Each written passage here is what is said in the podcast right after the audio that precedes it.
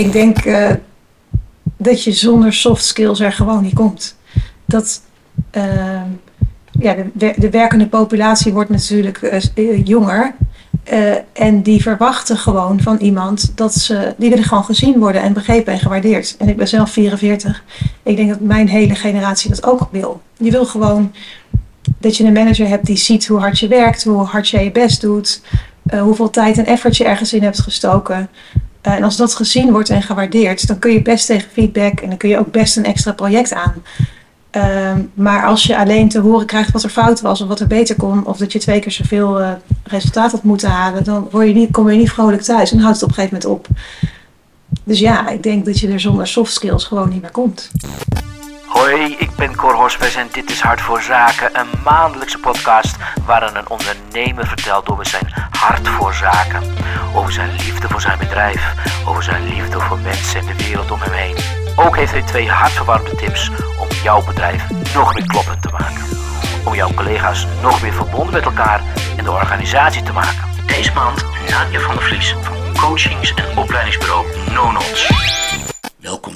Hey, wat betekent liefde voor je? Liefde is wat, uh, wat het leven leuk maakt. Dat je uh, samen bent met andere mensen, geniet van elkaar en elkaar het mooiste biedt en elkaars leven verrijkt.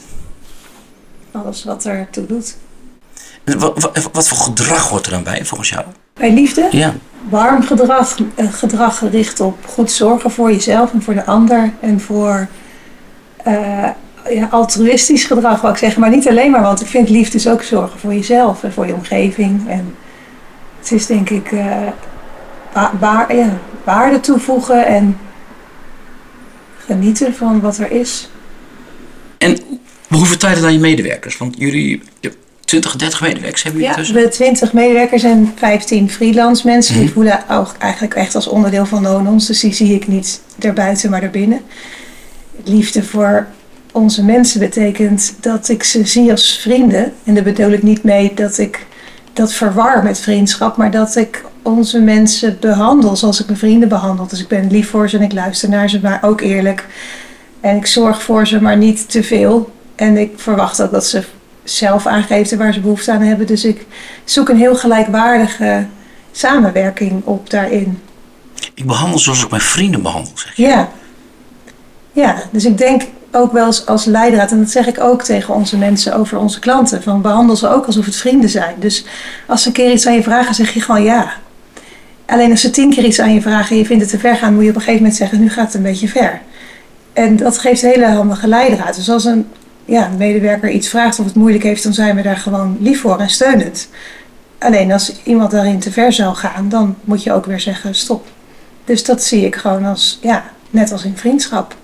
Zijn er nou regels voor die je daarvoor hebt opgesteld? Hè? Wij zullen zo met elkaar omgaan? Of is dat meer automatisch? Ja, dit is tot nu toe automatisch. En toevallig hebben we twee weken geleden een eerste poging gedaan om, ze noemden dat kernwaarden op te schrijven. Dus hoe werken wij samen? En dan kwamen ze hier heel dichtbij. Van ja, uh, we zoeken gelijkwaardigheid op, we zijn lief voor elkaar, maar niet te. Uh, we zetten een stapje harder. Dat soort. Uh, ja, het voelt niet als regels, maar meer we, hoe we al zijn en doen. Dus het zijn niet aspiratieve regels, maar meer regels van zo, zo werken we al samen. Ja, en, en, en dat je, het zijn eigenlijk regels die, die, die, die, eigenlijk heel toepasbaar zijn op willekeurig welke vorm van vriendschap. Ja, ja, en ik denk, uh, ik heb mijn bedrijf samen met mijn compagnon Anne, dat wij heel goed kunnen zien zoals wij zijn. Zo is de cultuur. Ja, want de leider bepaalt de cultuur natuurlijk. Ja, en we kunnen heel goed zien daar waar wij heel goed in zijn, waar wij veel belang aan hechten. Dat is wat ook het bedrijf nastreeft en wat de mensen belangrijk vinden. We zoeken natuurlijk mensen op die zich daar fijn bij voelen. Die, die diezelfde passie en ambitie hebben en uh, diezelfde liefheid en eerlijkheid. Dus ja, je maakt natuurlijk samen je cultuur. Ja, en grappig dat je zegt, ik zoek eigenlijk de mensen die een beetje een soort, ja, ook een soort nadejaar zijn, bij wijze van spreken. Ja, wel in die, waar, in die waarde, ja. ja. Dus niet, uh, ik, ik, ben vrij snel, uh, een beetje ongeduldig, uh, onnauwkeurig. ik wil natuurlijk niet allemaal nadejaar. Nee, dat, in die zin, dat nee, zou nee, vrij nee. onhandig zijn. Maar wel mensen die ja, het leuk vinden om een stapje harder te zetten als het nodig is. Die goed voor zichzelf kunnen zorgen, maar die ook heel lief kunnen zijn voor anderen. Die humor hebben en zelfspot. Dus die, uh, die, die, zoeken we daar wel op uit. Ja, Zou het handig zijn voor bedrijven? Een soort gewoon gedrag. Kijk, waarden zijn vaak een beetje hol. Die moet je, moet je laden. Hè? Trots, dat is voor iedereen iets anders. Hè? Extra stapjes zetten is ook voor iedereen wat anders. Zou je dat anders zijn te zeggen: nee, we gaan het gewoon in zeven geboden of zo neerzetten of zo, bij wijze, van spreken? Met de grootte die wij nu hebben, met die 35 mensen, eh, voelt iedereen die cultuur ontzettend. Dus ik denk ook, we hebben het nu nog makkelijk. Als je twee, vijf, tien keer zo groot wordt, dan lijkt het me wel handig om eh, wat structureler die ideeën die je hebt, die waarden, over te dragen. En of dat nou op een poster is, weet ik niet. Want in mijn herinnering liep ik daar bij de bedrijven waar ik werkte op een gegeven moment gewoon voorbij. En dan zie je die poster niet. Oh, die, die, die, zag, sommige bedrijven werken ja, dat soort bedrijven die hebben de vijf regels gewoon op de muur hangen. Oh, serieus? Ja, maar dat, dat krijgt zo'n wear-out effect. Dus je ziet het op een gegeven moment niet meer. Net als een ander schilderij in je huis je niet meer ziet. Maar waar ik meer in geloof is dat je beschrijft welk gedrag bij die waarde hoort. Dus wat je graag wil zien. En dat je dat ook met, je, met elkaar bespreekt af en toe. Van wat vindt, als wij, wij, ons bedrijf heet No-Nons, dus wij zijn ook van het no-nonsense. Van nou, niet eromheen draaien, niet achter mensen heen, niet roddelen over elkaar, behalve als diegene waar het over gaat het ook weet. Nou, dat is voor ons iets, wij kunnen ook met onze teams bespreken van, ja, hoe vind jij dat jij no-nonsense uh, werkt? Zeg maar, wat draag jij daaraan bij? En dan kom ik ook heel regelmatig op nieuwe ideeën door hen. Dus ik denk dat je die waarden niet alleen op de muur moet plakken, maar vooral moet praten erover. Van wat versta jij eronder, wat versta ik eronder. Uh, om misverstanden te voorkomen, maar ook om te zorgen dat de waarden van ons allemaal zijn. In plaats van dat ze door de directie op de muur gespijkerd zijn of verzonnen. Ja, maar. En die gesprekken zou je dan eens in het, ja, kun je niet maar eens in de twee weken zou je daar eens op een vrijdagmiddag met elkaar over moeten kletsen? Of... Dat lijkt me vrij frequent, maar het is wel echt heel leuk om te Ja. doen. Ja, of ik zou zeggen één keer per kwartaal of in zoveel tijd. In ieder geval Ja. tijdens de bijvoorbeeld, eh ligt eraan hoe je performance cycle inricht. Maar als je elkaar een paar keer per jaar spreekt, om dan eens te vragen van wat doe jij in jouw werk om de, ja, de belangrijkste waarden eh, uit te dragen. En voel je ze ook allemaal? Of is er ook eentje die schuurt? Ik hoor eh, medewerkers en managers van de bedrijven waar wij trainen wel eens zeggen van die ene waarde, ik snap hem niet of hij is gewoon niet waar. Dus we zeggen mensgericht, maar je mag jezelf nooit ontwikkelen. Dus het is wel ook belangrijk om te zorgen dat het geen wassen neus is. Hoe controleer je dat? Want je mensen altijd weg. Je zijn altijd on the job. Hoe, hoe, weet je nou dat ze inderdaad wel dan hè, de non- de non- nonsens manieren aan, eh, aanhouden? Nou, we hebben toevallig eh, deze week een meeting gehad waarin we allemaal voorbeelden gingen geven van eh, die waarden van ons en hoe we dat terugzien in het gedrag van onze collega's. En we konden gewoon niet ophouden, zoveel voorbeelden hadden we. Komt ook wel omdat we er veel tijd in steken om ja, iedereen regelmatig bij elkaar eh, uit te nodigen, om bij elkaar te komen, maar ook eh, een van onze waarden is bijvoorbeeld ook iedereen regie. Dat is ook de missie van ons bedrijf. Dat we iedereen helpen regie te nemen over zijn of haar leven. Dus de coaches die we opleiden, de managers die we trainen, leren we zelf regie te nemen. Maar leren we ook vooral hoe je anderen helpt regie te nemen. Dus in ons bedrijf trainen we ook iedereen in het regie nemen. Dat betekent als iets anders gaat dan jij wil, kan je veranderen of accepteren of weggaan. En dat zorgt er wel voor dat in ons bedrijf ik echt merk dat medewerkers als ze ergens last van hebben, gewoon bellen. Ja. En zeggen, dit vind ik vervelend, of hoe dit gisteren ging, daar baal ik van. En dan kunnen we erover praten en dan lossen we het op. En dan is er dus regelmatig wel iets aan de hand, maar nooit iets wat doorsuddert of langer duurt. Ja. Want ja, samenwerken betekent natuurlijk soms schuring. Maar de vraag is, hoe los je het makkelijk en relaxed op? Dat je zegt, hè? Onze, onze boodschap naar buiten begint ook binnen. En daar zie je het vaak misgaan natuurlijk. Hè? Ja. Ja, het hoort natuurlijk bij, als je zegt, als je predikt dat je no-nonsense bent, dan hoort practice what you preach natuurlijk wel bij. Ja, maar ja, heel veel bedrijven roepen naar buiten iets wat ze intern Ja. niet leven. Ja, ik kan daar echt niet bij. Nee, waarom niet? Ik, ik krijg dan een error in mijn hoofd. Ik kan er niet bij dat er bedrijven zijn waar eh, iets gepredikt wordt, maar wat je intern niet terugziet. Maar dat komt omdat ik, denk ik, zo met mijn compagnon samen één op één ons bedrijf ben. Dus ik kan me niet voorstellen waarom ik A zou roepen en B zou doen. Ik, ben- ik heb niet de wens om iets anders te zijn dan hoe ik ben en dan hoe ons bedrijf is. Ik kan, vind het juist zo lekker om te zeggen, dit zijn we wel en dat zijn we niet. En hier ben ik goed in en daar niet. En je moet ons daarvoor bellen en daarvoor niet. Eh, dus dat een bedrijf iets pretendeert te zijn, maar het niet is, vind ik ja, net zo wonderlijk als een mens. Dat, ja, iets roept wat hij niet is. Wat is je favoriete liefdesliedje? En waarom? Eh een van mijn favoriete liefdesliedjes is van John Legend. Die schrijft sowieso heel veel lieve liedjes. En dat is Stay With You. En die vind ik heel liefdevol, omdat hij eigenlijk zegt dat hij sowieso wel blijft. En dat voelt dus heel veilig. Van wat er ook gebeurt, hoe diep we ook gaan, hoe zwart het ook wordt, ik blijf. En eh, dat eh, vind ik zo'n teken van liefde. Van ik, eh, ik ben er gewoon, je kan op me bouwen. Je hoeft het je niet af te vragen. Ik ben er en ik blijf. En dat vind ik ook echt liefde. Om onvoorwaardelijk eh, te zeggen, ik ben er. Jongens, genoeg te bepraten. Dit is Hart voor Zaken. Take it away, boys!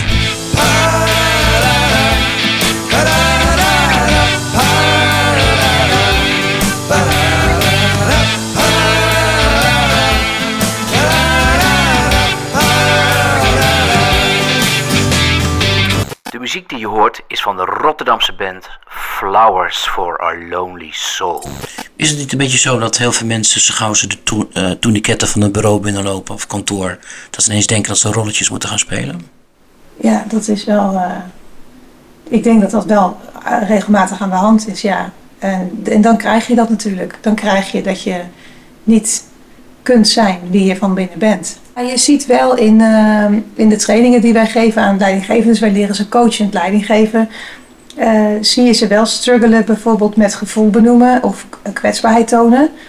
Eh, waar ze zeggen, ja, dat hoort toch niet op de vloer, weet je wel. Ik moet gewoon, ja, ik ben een manager, dus ik moet het altijd zeker weten. Ik moet het altijd zelf goed doen. Ehm, en waar ik, in mijn boek schrijf ik dat ook. Ik geloof heel erg in functionele kwetsbaarheid. Dus natuurlijk heeft een groep als een leider iemand nodig die stevig is en belastbaar. Maar dat betekent niet dat hij het altijd zeker weet en het altijd goed doet. Het is juist lekker om iemand te hebben die zegt: Ik weet het meestal, maar nu even niet. Eh, maar dat is anders dan wanneer iemand helemaal ondergaat en eh, zo kwetsbaar is dat hij niets meer kan. Of dat de medewerkers voor de manager moeten zorgen. Maar er zit nog zoveel tussen. Dus het lijkt erop alsof veel mensen die het idee hebben dat ze sterk moeten zijn, die middenweg niet kennen. Dus ze denken het is of sterk of zwak. Terwijl je hebt ook sterk met soms een zwak moment of soms een zwakke situatie. Waar je even denkt van nu ben ik even wiebelig of onzeker of eh, bezorgd. Eh, waardoor ik inderdaad met je eens ben dat ik het idee heb dat er best wat managers zijn die het idee hebben dat dat stuk van henzelf niet zichtbaar mag zijn op de werkvloer. Maar waarom moet er dan functionele kwetsbaarheid voor staan? Dat vind ik wel... Nou, omdat ik ermee wil zeggen dat het functioneel is. Dus dat je ook kan voelen, het is niet zielig doen of zwak doen. Het is eh, kwetsbaarheid tonen, maar het heeft wel functie. Het laat namelijk ook zien. Eh, ik weet het niet altijd, jij hoeft het ook niet altijd te weten. Nee. Is dat dan weer een soort management speak wa- waardoor je zegt, hey, we maken er functionele kwetsbaarheid van? Waardoor het wat minder, wat minder eng lijkt? Ja, om ze te laten zien dat het eh, eh, nut heeft en een functie. En dat het niet is, je laat je medewerkers voor je zorgen, maar je laat ook een andere kant van jezelf zien, waardoor je een ronder plaatje van jezelf laat zien. En je ook meer ownership kan geven aan de anderen. Die zien gewoon een ronder mens. Dus het zal niemand verbazen dat jij het ook een keer niet weet. Eh, sterker nog, ik denk dat ze denken, ha, lekker. Ik weet het namelijk ook wel eens niet. Gelukkig ben ik dan alleen maar een normaal mens. Want Stel je toch voor dat je altijd naar een leidinggevende moet kijken die alles zeker weet, altijd vol zelfvertrouwen is en altijd precies weet wat hij moet doen. Ja, dan ga je toch denken, dat word ik nooit. Maar ownership, wat bedoel je daar dan mee? Nou, als eh, ik als leidinggevende tegen mijn team zeg, dit vind ik even een heel lastig besluit, ik weet het even niet, dan gaan zij waarschijnlijk harder nadenken. Omdat ze gaan denken, oeh, ja, dat is ook lastig, dat is een lastige kwestie, wat zouden we allemaal kunnen doen? Laten we samen eens bedenken wat voor oplossingen hiervoor mogelijk zijn. Dus ik denk dat de urgentie en ook de prikkel voor hen om zelf heel hard na te denken, eh, meer aangewakkerd wordt dan wanneer ik zeg, ik weet wel wat we gaan doen, we gaan naar rechts. Want dan hoeven ze toch eigenlijk niet meer na te denken. Dus je prikkelt je mensen er ook mee om ownership te nemen, ook over dat stuk. En als coach heb ik dat wel eens regelmatig expres gedaan. Dan zeg ik er echt tegen iemand die je coach, ik weet het ook niet. Terwijl ik best wel ideeën heb. Maar het gaat mij erom dat, ja, als ik iemand coach, wil ik dat hij of zij zelf regie gaat nemen over zijn leven, eigen keuzes gaat maken. Dus dan hoort mijn mening opleggen of al mijn ideeën spuien er helemaal niet bij. En dan is het juist leuk als iemand zegt, ik vind het heel moeilijk om te zeggen, ik ook. Want dan leg je de bal gewoon weer terug. Dus vanuit een coachend perspectief is het zelfs slim om af en toe te doen alsof je het echt niet weet. Daarvoor moet er wel eerst een cultuur ontstaan van dat je dat ook durft als leider. En, en dat ook iemand anders niet gaat lachen van de leider weet het niet, bij wijze van spreken. Ja. Ja, dus het is ook wel eens zo in die training die wij geven, coachend leiding geven, heb je wel eens dat mensen zeggen, voorheen gaf ik allemaal tips, loste ik het allemaal op. Of de vorige manager gaf tips en loste alles op. En nu probeer ik het coachend aan te pakken en zeggen medewerkers wel eens, hé, hey, waar is die ouwe? Ja, Die allemaal gewoon, die gewoon ging vertellen rechts of links. Dat is natuurlijk heel makkelijk. Als jouw manager alle moeilijke beslissingen neemt, dan hoef je zelf die ownership, die eigenaarschap niet te nemen. Dus het kan heel lekker zijn soms voor een team om juist een manager te hebben die in alle valkuilen stapt en het allemaal zelf doet. Dus is het niet zo dat als een leidinggevende ineens wat coachender gaat leiding geven, dat hij zich daarmee ineens heel populair maakt. Het kan best zijn dat de medewerkers een beetje balen en denken, doe mij die wijsneus maar weer, want dan doet hij tenminste alles. Maar als je structureel wil dat je mensen zelf nadenken en zelf ownership nemen, dan moet je die bal daar wel neerleggen en het niet de hele tijd voor ze oplossen. En uit die valkuilen blijven is best wel moeilijk, maar levert ontzettend veel op. Namelijk teams die echt groeien en het zelf gaan doen. En natuurlijk als de CEO of de directeur al jaren heel erg coachend leiding geeft en heel erg eh, dienend is en eh, luisterend, dan zijpelt dat door in de hele cultuur. Uh, als dat anders is, dus als de CEO heel sturend en dwingend is en alles zelf beter weet, dan wordt dat ook cultuur. Als je coachend wil leiding geven in een context waar dat niet normaal is, dat kost gewoon meer moeite. Ja. Want je moet eigenlijk een beetje de keten doorbreken tussen jou en je eigen leidinggevende. Maar het is niet onmogelijk. als een man die stuurt en machiavistisch leider is, is die dan vaak thuis ook zo'n man? Of vrouw? Maar ik denk wel dat je valkuilen, je valkuilen zijn in general en doorgaans niet alleen op je werk. Uh, dus ik heb bijvoorbeeld zelf snel de neiging om het over te nemen van anderen, omdat ik dat heel snel kan en denk laat mij maar even. Dus het is soms uit uh, snelheid en soms ook wel uit hulp. Dat ik denk, uh, dan help ik jou daarmee en dan heb jij minder werk en dan doe ik het wel. Die neiging heb ik ook bij mijn kinderen. Dus dan heb ik ook een neiging om een werkstuk uit een handen te rukken en even de typfouten eruit te halen voor ik op print druk. Dus die fout maak ik thuis en op het werk.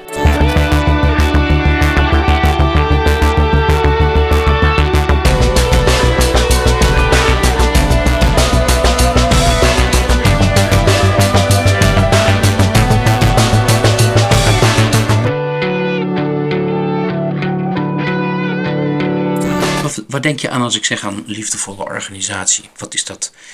Wat, roept, wat voor organisatie roept dat bij jou op? Echt een organisatie waar mensen gesteld zijn op elkaar, elkaar belangrijk vinden, oog hebben voor elkaar. Dan denk ik toch ook weer aan die vriendschap, waar je op een vriendschappelijke manier leuk, relaxed, gezellig, sfeervol, maar ook het moeilijke niet schuwen. Wel praten over dat wat er niet goed gaat. Wij hebben best wel een bedrijf met veel rare relaties.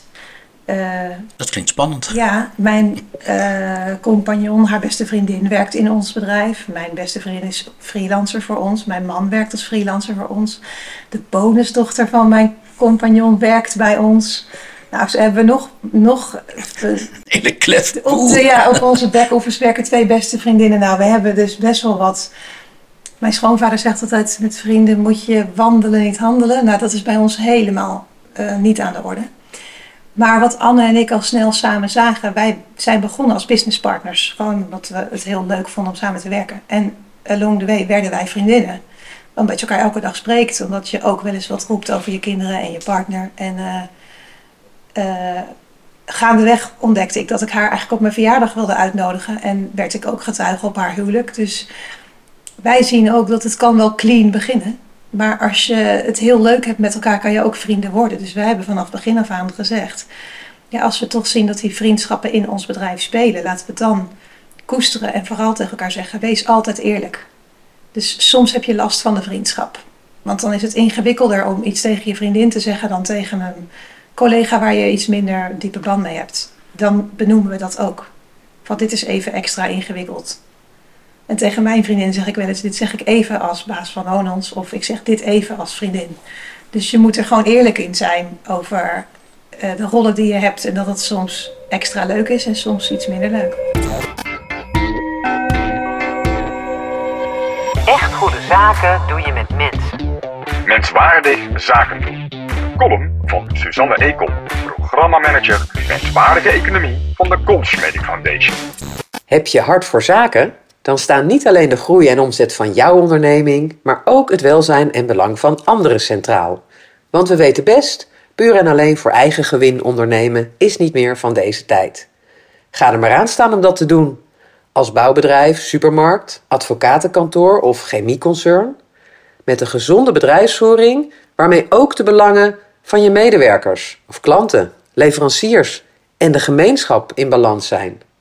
Natuurlijk is niemand erop tegen dat we meer naar elkaar omkijken. En toch zie je vaak dat mensen in de wereld van werk en in het economisch verkeer verdwijnen achter cijfers, euro's en regels. Dat kan anders. Wil je een beginnetje maken? Kijk dan naar je dagdagelijkse bedrijfsvoering. Want medemenselijker ondernemen zit niet in beleidsplannen en vergezichten, maar in hoe we werken en samenwerken. In contracteren dus, en in inspraak organiseren, luisteren naar elkaar en de verantwoordelijkheid nemen voor wat je gehoord hebt. Spoiler alert, dat draait niet om de ander altijd zijn zin geven, maar om wederzijds vertrouwen. Echt goede zaken doen is niet soft, maar keihard, met een T. Want uit wetenschappelijk onderzoek en de praktijk is bekend dat menswaardige bedrijfsvoering winst aan alle kanten oplevert.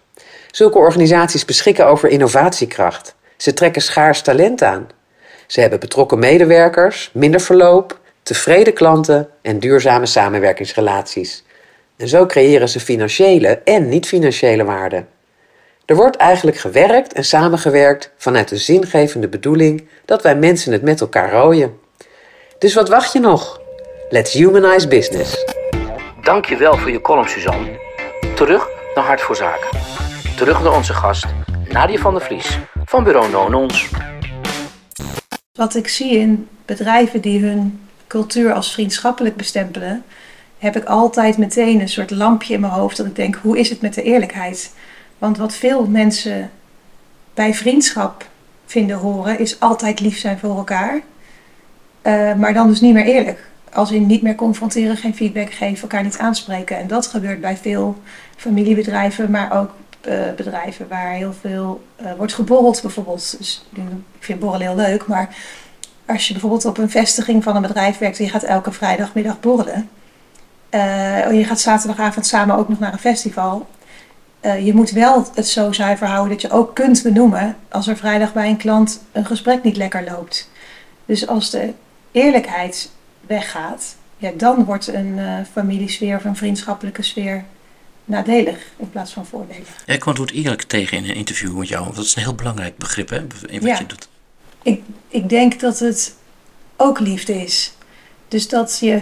En ik vind het soms moeilijk hoor, om eerlijk te zijn. Want uh, als ik alle moeilijke gesprekken uit de weg kon gaan, dan zou ik dat denk ik wel het liefste doen. Ik ben best wel conflictmijdend van nature. Maar ik heb zo gezien dat uh, eerlijkheid je relatie verbetert en verdiept en veiliger maakt. Mijn compagnon is iemand die altijd eerlijk is. Nu ik haar zo goed ken, weet ik dus ook dat als zij niks zegt, dan is er ook niks. Dus ik hoef nooit te denken, zou ze boos zijn, zou ze teleurgesteld zijn, want ik weet het. Ze zou het namelijk meteen zeggen. En dus sinds ik dat bij haar zo van dichtbij heb gezien, realiseer ik me hoe veilig dat voelt. Mhm. Dat je nooit hoeft te raden of bang hoeft te zijn voor een, ja, dat ik haar per ongeluk heb gekwetst, bijvoorbeeld. En daardoor zie ik zo de waarde van die eerlijkheid in, dat ik het ook zelf echt gebruik. Dus dat ik echt, als ik ergens van baal of ergens over neig te gaan mopperen om aan te denken, dan moet ik nu meteen eerlijk zijn. En tegen iemand zeggen wat ik moeilijk vind om te zeggen, maar het wel te zeggen. Is dat de secret sauce van de liefdevolle organisatie, eerlijkheid? Ja, dat denk ik. Ja. En wat zou dan de... de... Maar dan wel uh, ja, liefdevolle eerlijkheid, zou ik willen zeggen. Dus het is niet zo dat ik vind dat je altijd alles moet zeggen.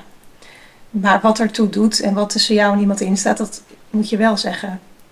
Maar ik vind bijvoorbeeld, als ik jouw blouse lelijk vind, vind ik niet dat ik dat per se moet zeggen, want dat staat helemaal, snap je?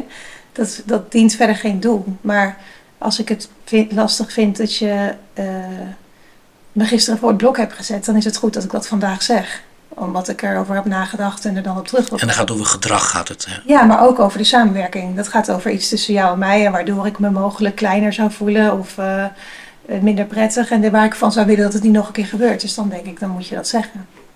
Maar moet je daar eerst niet voor eigenlijk een veilige cultuur creëren? Ja, het is misschien kip en ei, hè? Want Ja, is het niet zo dat je een veilige cultuur creëert door eerlijk te zijn? Dat laatste denk ik eigenlijk. Dus eerlijk is misschien wel ook de basis dan inderdaad voor een veilige, veilige cultuur. Ja, want ik denk dat heel veel mensen die zich niet veilig voelen in een bedrijf, die zeggen, eh, je weet het niet, je kan er zomaar uitgegooid worden. Als je de verkeerde persoon tegenspreekt, dan hè, kan dat funest voor je zijn. Dat is natuurlijk oneerlijkheid. Dat betekent dat je je altijd afvraagt en op eieren loopt of je het goed doet. Dus ik denk dat eh, eerlijkheid komt voor de veiligheid. Zorgt voor veiligheid. Het fundament. Ja. Dan liefdevolle eerlijkheid. Wat is de ROI van een liefdevolle organisatie? Wat is de ROI? Ik denk. Leuke mensen, leuk bedrijf, veel plezier, veel succes. Ik denk dat iedereen wel weet dat gelukkige mensen, die doen het beter. Dus ik denk ook dat je uiteindelijk succesvoller wordt als bedrijf als iedereen het leuk heeft en gelukkig is en zo naar zijn zin heeft.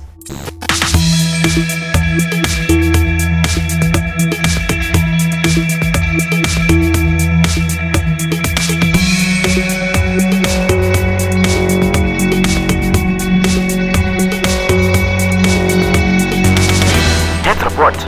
Welke cijfers geef ik mijzelf?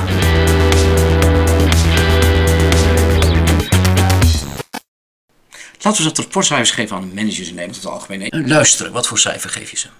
De gemiddelde manager, Ja. een onvoldoende. Hoe zou dat komen dat ze zo slecht luisteren? ook niet geleerd. En het idee, ik moet het allemaal goed weten.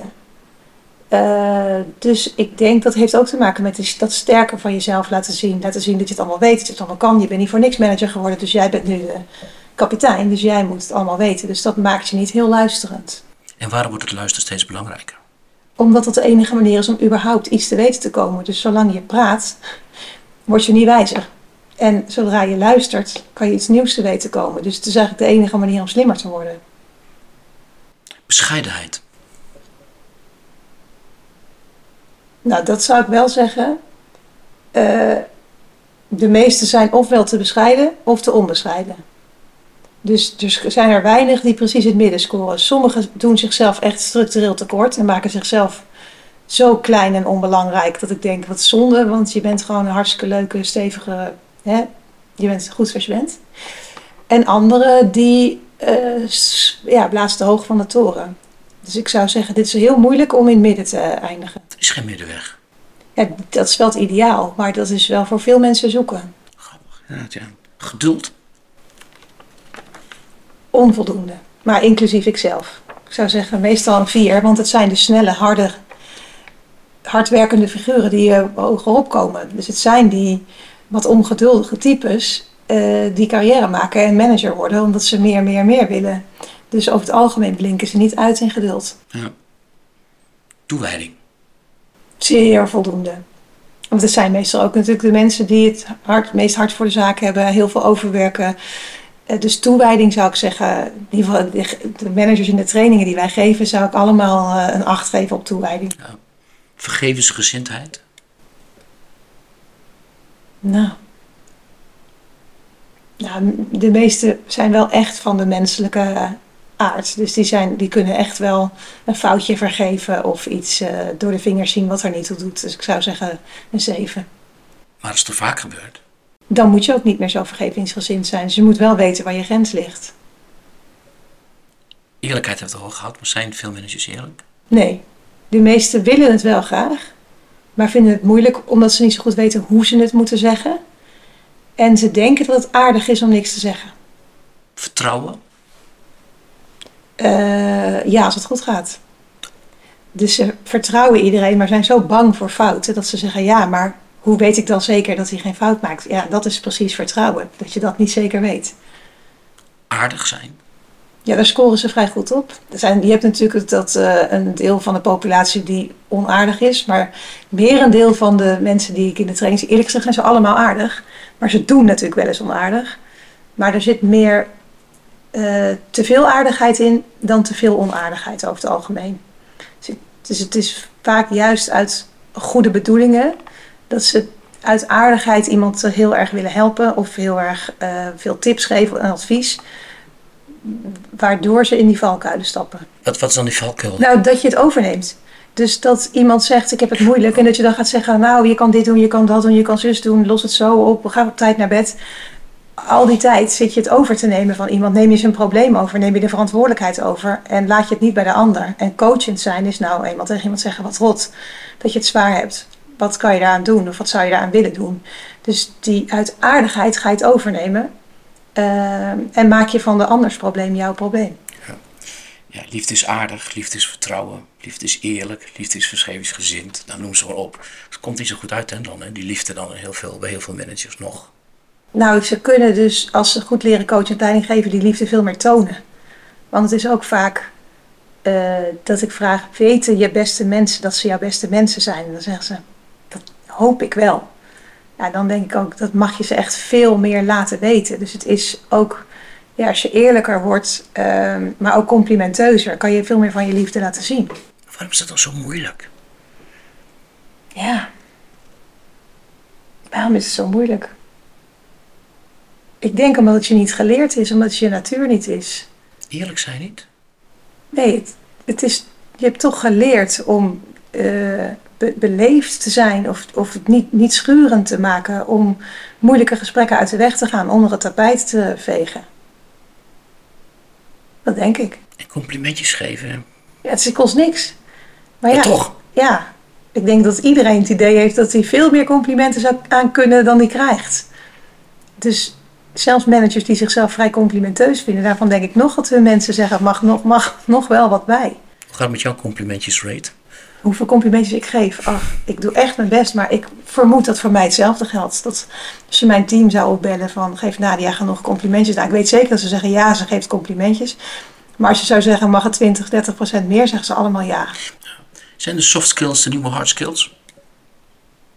Ja, ik denk eh, dat je zonder soft skills er gewoon niet komt. Dat ehm, ja, de, de werkende populatie wordt natuurlijk eh, eh, jonger. eh, en die verwachten gewoon van iemand dat ze, die willen gewoon gezien worden en begrepen en gewaardeerd. En ik ben zelf 44. Ik denk dat mijn hele generatie dat ook wil. Je wil gewoon dat je een manager hebt die ziet hoe hard je werkt, hoe hard jij je best doet, hoeveel tijd en effort je ergens in hebt gestoken. En als dat gezien wordt en gewaardeerd, dan kun je best tegen feedback en dan kun je ook best een extra project aan. Ehm, maar als je alleen te horen krijgt wat er fout was of wat er beter kon, of dat je twee keer zoveel eh, resultaat had moeten halen, dan word je niet, kom je niet vrolijk thuis en houdt het op een gegeven moment op. Dus ja, ik denk dat je er zonder soft skills gewoon niet meer komt.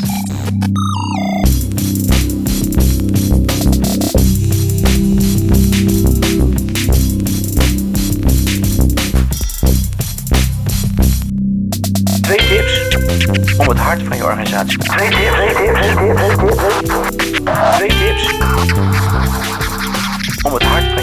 Beter te laten maken. Leer iedereen dat ze zelf verantwoordelijk zijn voor hun eigen werkgeluk en eigen gezondheid. En help ze dus op een gezonde manier met zichzelf en elkaar om te gaan. Dat betekent dat je dus niet iedereen's problemen oplost, maar mensen zelf verantwoordelijk maakt voor een oplossing. Dus je bent wel lief, maar je gaat niet eh, ongevraagd alles fixen. Eh, en twee zou denk ik die vriendschap zijn. Dus zoek de vriendschap op met elkaar. Dat betekent niet dat je bij elkaar thuis hoeft te komen, maar dat je in het contact net zo liefdevol bent als met vrienden. Je noemde werkgeluk. Ja, Dat is toch iets heel tijdelijks. hè? je bent even gelukkig en daarna. Of wat doe je met het woord, wat doe je met het woord nou, werkgeluk? ik bedoel, ehm, wij maken mensen verantwoordelijk voor hun eigen werkgeluk. Dus als ze zeggen, ik vind mijn werk niet meer zo leuk, dan denken wij, dat is heel erg rottig voor je. Maar dan moet je zelf iets gaan verzinnen of iets gaan organiseren om het leuker te maken. Daar ben ik niet verantwoordelijk voor. Ik verwacht ook dat je zelf gaat nadenken wat je tekort komt en wat je meer zou willen hebben. En wat je concreet aan mij kunt vragen of aan iemand anders kunt vragen. Dus werkgeluk vind ik heel belangrijk, maar daar kan je zelf voor zorgen. Hey, we gaan zingen. Ah, heerlijk. Been together for a while now. We're going stronger every day now. It feels so good and there is no doubt. I will stay with you as each morning brings the sunrise and the flowers bloom in springtime. On my love, and you can rely, and I'll stay with you.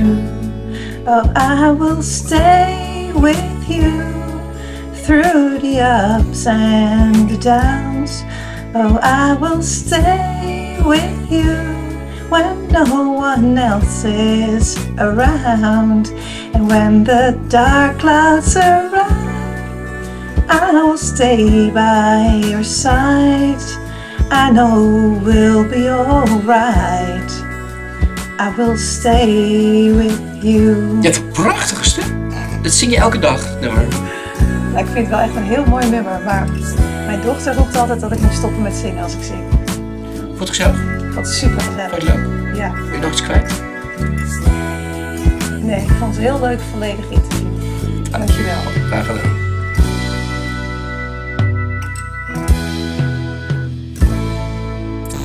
Dankjewel voor het luisteren. Dit is Hart voor Zaken. Ik ben Cor Hospes. Tot volgende maand.